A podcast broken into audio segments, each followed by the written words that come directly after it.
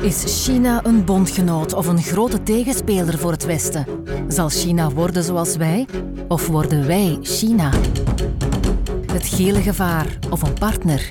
Win-win of zero-sum game? Agressief of assertief? China. Fascinerend of angstaanjagend? Wordt China de nieuwe wereldmacht? Veel vragen, nog meer antwoorden in de podcast Het Rijk van het Midden met communicatie-expert Dimitri Stuur.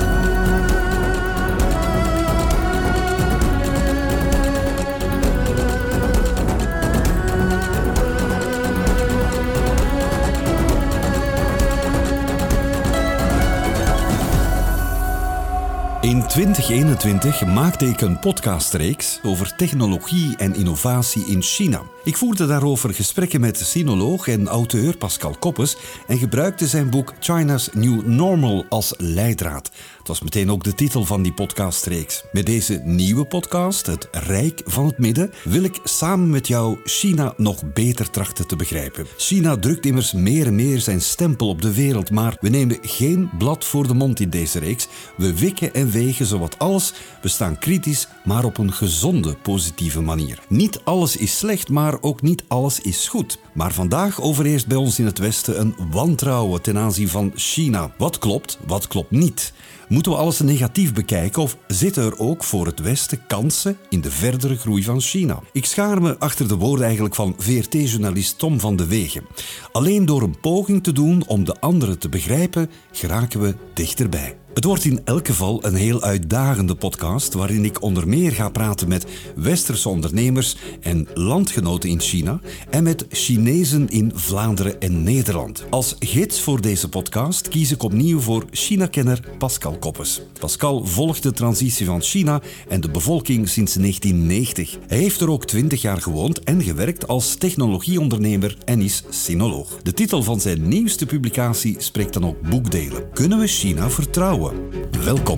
Het Rijk van het Midden. Dag Pascal. Dag Dimitri. Je nieuwe boek Kunnen we China vertrouwen? Vrees je niet je eigen toekomst als China-kenner op de helling te zetten? Het is een zeer eh, correcte opmerking, want ik, eh, toen ik het, de titel koos, Kunnen we China vertrouwen, heb ik dit afgetoetst met eh, heel wat vrienden. En die exact juiste, de, deze beschrijving of deze feedback kreeg ik ook van iedereen. Van, kun, ja, heb je geen schrik dat je China nog binnen mag? En uh, kun je met deze titel wel als China-expert nog verder door het leven? En, en, voor mij was dat eigenlijk genoeg een teken om eigenlijk te zeggen van ja, dit is de correcte titel.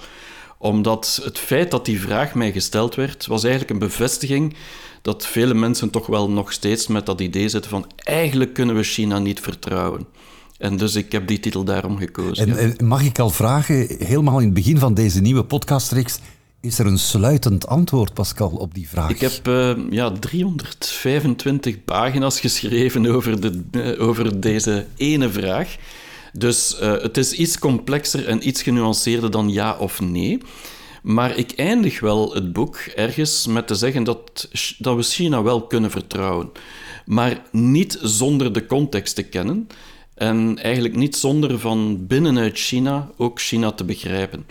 En dus voor mij ja, ik zie geen verschil of weinig verschil tussen het vertrouwen van China of het vertrouwen van een ander land, ergens in, in Europa of in Amerika. Maar je moet die context begrijpen. En van het sluitend antwoord is ja, maar. Oké, dat is uh, genoeg aanleiding om nog veel te praten met jou. Zeg, jouw nieuwe boek, laat dat duidelijk zijn voor wie luistert nu is niet China's New Normal, jouw eerste boek, versie 2.0. Het is nee, dat, eigenlijk compleet wat anders. Hè? Het is een heel, heel ander boek geworden. Het, het vorige boek die ik uh, nu bijna drie jaar geleden uh, heb uitgegeven, dus in 2019, is een boek die ja, echt over innovatie en technologie ging en, en hoe China de standaard zet voor de toekomst.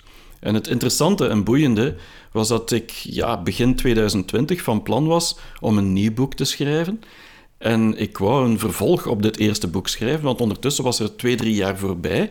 En met de COVID-situatie die we gekend hebben, ja, niet al het nieuws over technologie en innovatie is naar het Westen doorgestroomd. En ik dacht van ja, nu ga ik echt schrijven over wat er echt nu aan het gebeuren is en wat ons te wachten staat. Maar die verhalen hadden veel minder ehm, impact dan toen ik verhalen vertelde over ja, hoe China denkt over de wereld en hoe de wereld over China denkt. En ik dacht, ja, als we China alsmaar minder vertrouwen, moeten we misschien eerst dat oplossen en misschien eerst dat aansnijden als, als thema. Want zonder vertrouwen kan je ook niet leren van mensen. En dus volgens mij, ja, mijn eerste boek was echt een leerboek, een, een managementboek waar je echt veel kon begrijpen van hoe China anders denkt en anders handelt. En ik denk dat we nu moeten teruggaan naar de basis. Kunnen we dit vertrouwen alvorens dat we terug kunnen leren van China? Een van de dingen die ik in jouw boek, in jouw inleiding nog maar terugvond, was een gevatte stelling die zegt wij zelf zullen moeten veranderen, niet de rest van de wereld, niet China. Wel, China is al altijd veranderd. Uh, om liever, liever te zeggen, uh, de laatste dertig jaar is er geen land in de wereld die zo veranderd is als China. En ze zijn voortdurend eigenlijk aan het zoeken naar een, een verbetering, een verandering. Zelf in de regering, in de overheid, wij zien dat niet altijd. Maar wij zijn ervan uitgegaan dat de wereld uh, moet veranderen naar ons model. Maar met het feit dat China en Azië alsmaar belangrijker wordt, willen zij natuurlijk ook meer een deel uitmaken van dat model. En dus wij, zij willen eigenlijk een stukje het model ook integreren in hoe zij denken en hoe zij tegenover de wereld staan. En dus het zal moeilijker zijn voor ons om dat op te leggen aan China. Dat was misschien 20, 30 jaar geleden mogelijk. Maar vandaag de dag wordt het bijna onmogelijk om te zeggen aan China: jullie moeten veranderen. Uh, omdat er veel meer Chinezen zijn die eigenlijk al die verandering zijn doorgegaan op hun manier en dat eigenlijk tevreden mee zijn. Maar omdat China een alsmaar grotere rol speelt in deze wereld, gaan wij moeten aanvaarden dat China en Azië eigenlijk een centralere rol speelt. En dat heb ik trouwens in mijn eerste boek ook geschreven. Uh, alleen dat we nu drie jaar verder zijn en dat ik het gevoel heb dat die wereldorde nog, nog maar vlugger aan het veranderen is. Ja. Eh, kun je stellen eigenlijk dat wij in het Westen te veel angst, te veel focus leggen op uh, Xi Jinping en de communistische partij en daardoor eigenlijk veel andere zaken niet willen zien of kunnen zien? Heel zeker. En, en dat is ook waar ik in het boek heel veel over spreek, is over de gewone man, de Chinees.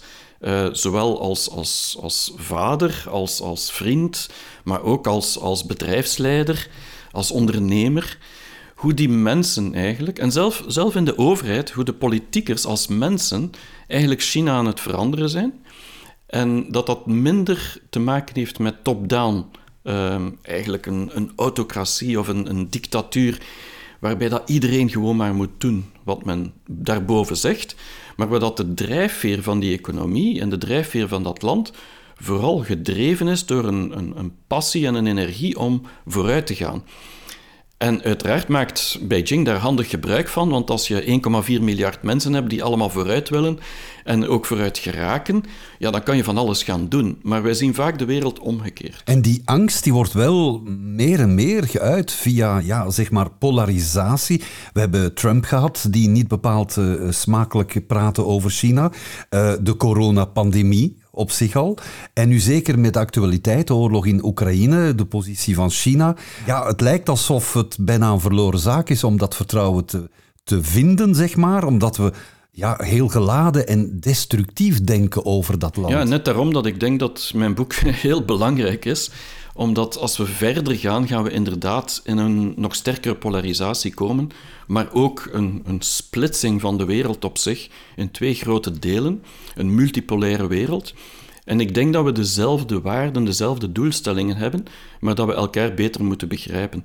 En het is dus inderdaad misschien te laat dat mijn boek komt, omdat we de laatste twee jaar alsmaar meer negatieve beelden over China gekregen hebben en verhalen. Ja, dat is ook iets dat de Chinezen heel sterk hebben aangevoeld van ja, dit is echt naar ons gericht om ons te beletten om vooruit te geraken. En ik ben er niet, van, niet zeker van dat wij in het Westen niet willen dat China vooruit geraakt, maar dat gevoel hebben zij wel, met als, gevoel dat zij ook, met als gevolg dat zij ook direct reageren op de reacties die wij naar hun duwen. En dus heb je dus een, een alsmaar assertiever China, een alsmaar agressiever China, maar ook een agressiever en assertiever Westen tegenover China. En, en, mijn boek probeert meer context te brengen daarin. Ja. als ik nog even mag verwijzen naar die pandemie, uh, want het is niet helemaal weg natuurlijk vandaag de dag.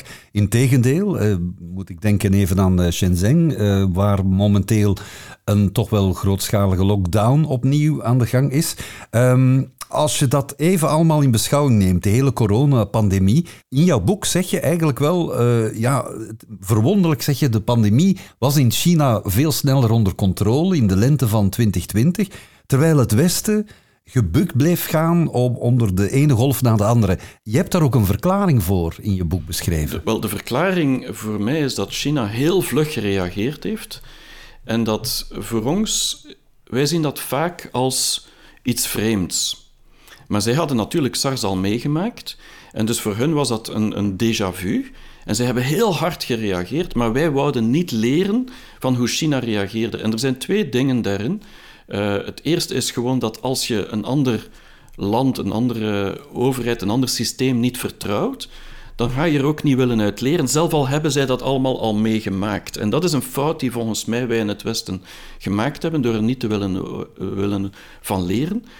Maar ik denk ook dat het, het Westen eigenlijk uh, dit veel meer binair heeft bekeken, die hele pandemie. En dat China niet zozeer de vraag zich gesteld heeft: ja, moeten we ja, zorgen voor gezondheid of moeten mentale of fysische gezondheid? Moeten we zorgen voor economie of voor, voor vrijheid? We hebben heel veel afwegingen moeten maken, dit of dat. Terwijl China zoiets had van: ja, we moeten gewoon alles doen dat we maar kunnen doen. En dus hebben veel meer en gedacht dan of gedacht. En dus er waren heel harde maatregelen, maar er waren ook hulp en, sociale ondersteuning. En, en, en, dus heel veel mensen die elkaar hielpen, een enorme volunteers, uh, vrijwilligers die gestuurd zijn naar Wuhan. Dus er is enorm veel gebeurd langs alle kanten tegelijkertijd, zonder na te denken, bijna gewoon actie. En het gevolg daarvan was dat na drie maanden ja, die pandemie eigenlijk in China grotendeels onder controle was. En inderdaad, we hebben nu vandaag nog steeds uitbraken in Shenzhen. Uh, nu, als men spreekt van uitbraken in China, dan spreekt men van een aantal duizend infecties. Uh, dat is nog altijd maar een heel klein percentage van wat wij hebben. Maar het is ook wel zo dat, uh, dat ze op dit moment nu aan, met het probleem zitten dat ze er moeten uitgeraken uit die pandemie. En zij moeten eigenlijk die zero-covid uh, strategie nu gaan aanpassen. En daar zijn ze nu deze week mee begonnen. Dus om te zeggen van we gaan daar terug. Maar dit gaat ook voor hun een leerschool zijn, hoe daar ze daaruit gaan. Ja. Je liet het daar net even ontvallen, uh, en dat viel misschien niet meteen op voor de luisteraar, maar het komt uitgebreid aan bod in jouw boek ook, binair denken. Want dat is iets wat je een beetje verwijt aan ons, het Westen. En dan heb je nog over iets anders, een ander denkkader. Het is aan jou om even toe te lichten alvast. Dat binaire denken, wat bedoel je daarmee? Wel, wij in het Westen in het algemeen willen graag labels zetten op uh, bepaalde dingen, omdat dat alles vergemakkelijkt. Um, China, die denkt veel meer in cirkels uh, en ook veel meer eigenlijk inductief dan deductief. Dat wil zeggen dat ze veel meer gaan eigenlijk aftastend denken. En dus alle mogelijkheden tussen 0 en 1, dat binair is, of tussen waar en vals, alles gaan aftoetsen en eigenlijk in dat proces gaan leren. En dan uiteindelijk maar nadat ze de context hebben, vaak uh, tot een conclusie komen. En dat stoort ons heel erg in het Westen, want als China eigenlijk niet direct duidelijk is op, over bepaalde zaken, bijvoorbeeld over Oekraïne, ze daar eigenlijk aan het aftasten zijn, dan hebben wij het gevoel dat ze geen positie nemen, dat ze eigenlijk niet willen, maar eigenlijk zijn ze op dat moment volledig alles aan het aftasten en aan het kijken wat kan, wat niet kan, en ze zijn aan het leren in dat proces. En dat heeft het voordeel, zeker in een polaire wereld, waar dat je op dat moment open staat voor alle mogelijkheden.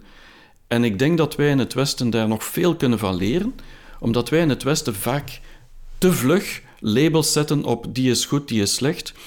En dat heeft een stukje met ons verleden te maken. Uh, ja, de verlichting, het heeft een stuk met religie te maken. In China zit dat heel anders. Het Taoïsme, als je daaraan denkt, dat is veel meer...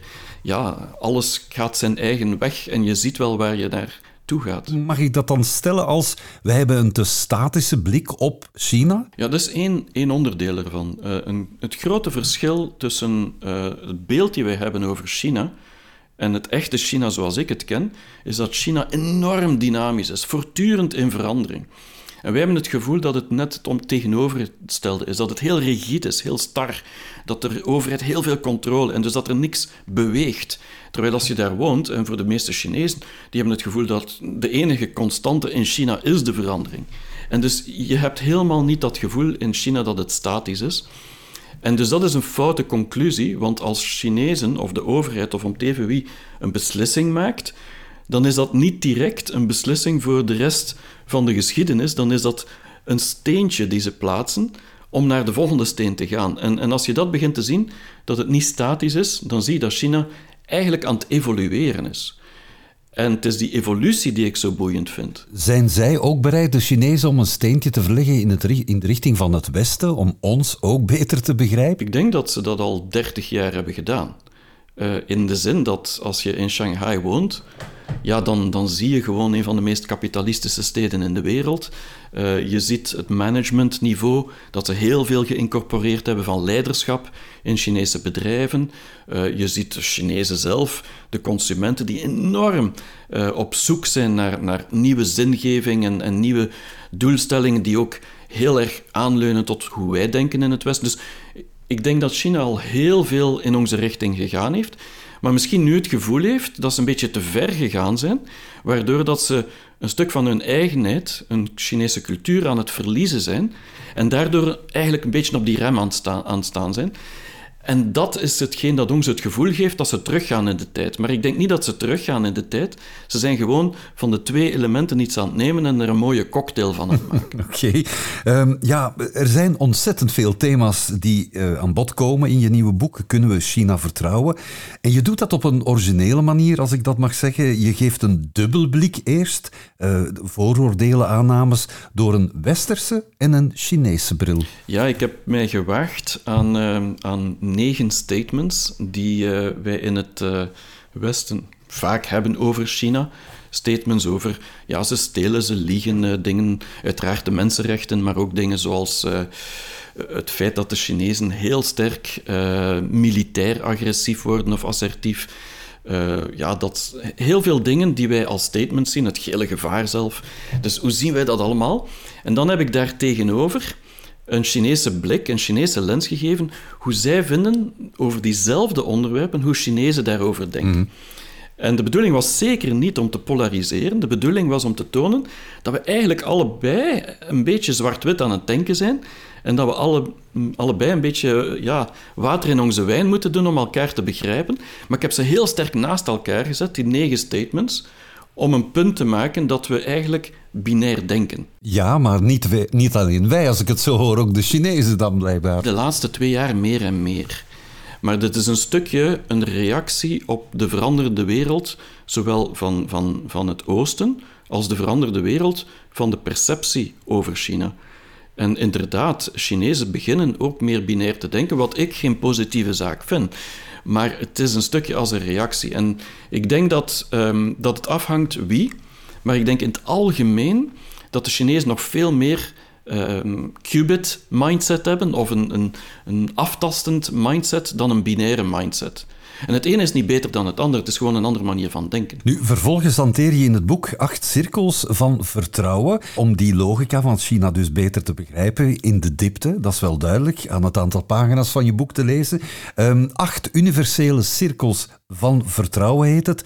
Heel aanschouwelijk voorgesteld met een mooie illustratie in het boek telkens. Niet toevallig een cirkel natuurlijk. Nee. Dus China is, is vol met cirkels en, en een cirkel heeft geen begin en geen einde. En dat betekent ook dat je dus eigenlijk heel vrij kan zijn om alles in te vullen in die cirkel. Uh, de cirkels van vertrouwen in mijn boek gaan voornamelijk over hoe Chinezen, en ik, ik wou eigenlijk het antwoord geven, als wij willen het antwoord geven hoe wij Chinezen kunnen vertrouwen, moeten we ook kijken hoe Chinezen elkaar vertrouwen. En hoe zij kijken binnen hun eigen context, binnen hun eigen cirkels kan je zeggen, cirkels van vertrouwen. En dat gaat van de hele kleine cirkel van het individu, vertrouwt de Chinees zichzelf? Daar moeten we mee beginnen. Uh, en dan, ja, hoe is, werkt zijn vertrouwen in grotere cirkels? Bijvoorbeeld zijn vrienden en familie. Uh, dan heb je het werk, je hebt uh, de school. Dan heb je een grotere cirkel die zijn netwerk is. Dat zijn alle mensen waar je een relatie mee hebt of ergens een, een impact van hebt en, en, en, en impact naartoe hebt. En dan heb je de buitencirkels, wat meer de systeemcirkels zijn. En dat zijn dan cirkels zoals de Communistische Partij bijvoorbeeld in China, of de natie, de leiderschap van de, van de natie, de wereld, de planeet, eh, het universum. Dat zijn dan die hele grote cirkels waar de Chinezen, waar de mensen, wij ook, eigenlijk weinig impact op hebben of invloed op hebben, maar die wel een enorme invloed op ons leven hebben. En dus hoe groter de cirkel, hoe moeilijker het is om die te vertrouwen, maar hoe meer je ook onrechtstreeks een impact krijgt uh, op je leven. En dus dat was eigenlijk het idee. Ik ga binnen die cirkels de wereld, de planeet, uh, eigenlijk het, het, het land, de partij, maar ook, ook de familie. Ik ga telkens gaan aantonen hoe Chinezen elkaar vertrouwen en hoe ze die cirkel vertrouwen. En dat geeft een inside-out view. En dat geeft een heel ander beeld van hoe wij naar China kijken. Ongemeen interessant, um, ja, intrigerend. Ik, ik heb ook het gevoel, het voorgevoel, maar eigenlijk wist ik het al. Dit wordt een extra lange podcastreeks, denk ik, Pascal, op basis van jouw boek. Want we hebben maar liefst acht cirkels te bespreken en we gaan cirkeltjes draaien, rondjes draaien daarover, over elk thema in de komende weken. Ja, misschien moet ik ooit een boek schrijven. Kunnen we het Westen vertrouwen vanuit Chinees standpunt uh, of vanuit een Westers standpunt? En, en ik denk dat inderdaad de, het doel van mijn boek is echt om te gaan depolariseren en is echt om meer context te geven, zoals dat je zei. En ik denk dat dit echt dringend is. Want als we het land, dat eigenlijk de grootste economie van de wereld zal worden binnen de tien jaar, uh, verkeerd gaan inschatten, dan denk ik dat dat op zich voor de mensheid wel een gevaar op zich uh, kan betekenen. En dat wil ik op zijn minst mijn steentje willen bijdragen om te kunnen zeggen later: ik heb er alles aan gedaan om te proberen de Chinese inzichten en nuances toch uh, neer te schrijven. Dat klinkt heel nobel van jou, Pascal, en past perfect in het plaatje van deze podcast, Het Rijk van het Midden, waarin ik met jou vooral zal praten op basis van jouw nieuwe boek Can we trust China? Kunnen we China vertrouwen? En natuurlijk ook met gesprekken van, of met Chinezen in Vlaanderen en Nederland. En ook Vlaamse ondernemers of Westerse ondernemers in China zelf. Dat dus voor de rest van deze reeks in deze podcast, Het Rijk van het Midden. Dankjewel Pascal en heel graag tot de volgende aflevering. Ik kijk er heel erg naar uit om dit te kunnen doen. Dit was Het Rijk van het Midden. Een podcast over China met communicatie-expert Dimitri Stuur. Het Rijk van het Midden. Een productie van Motion Builders.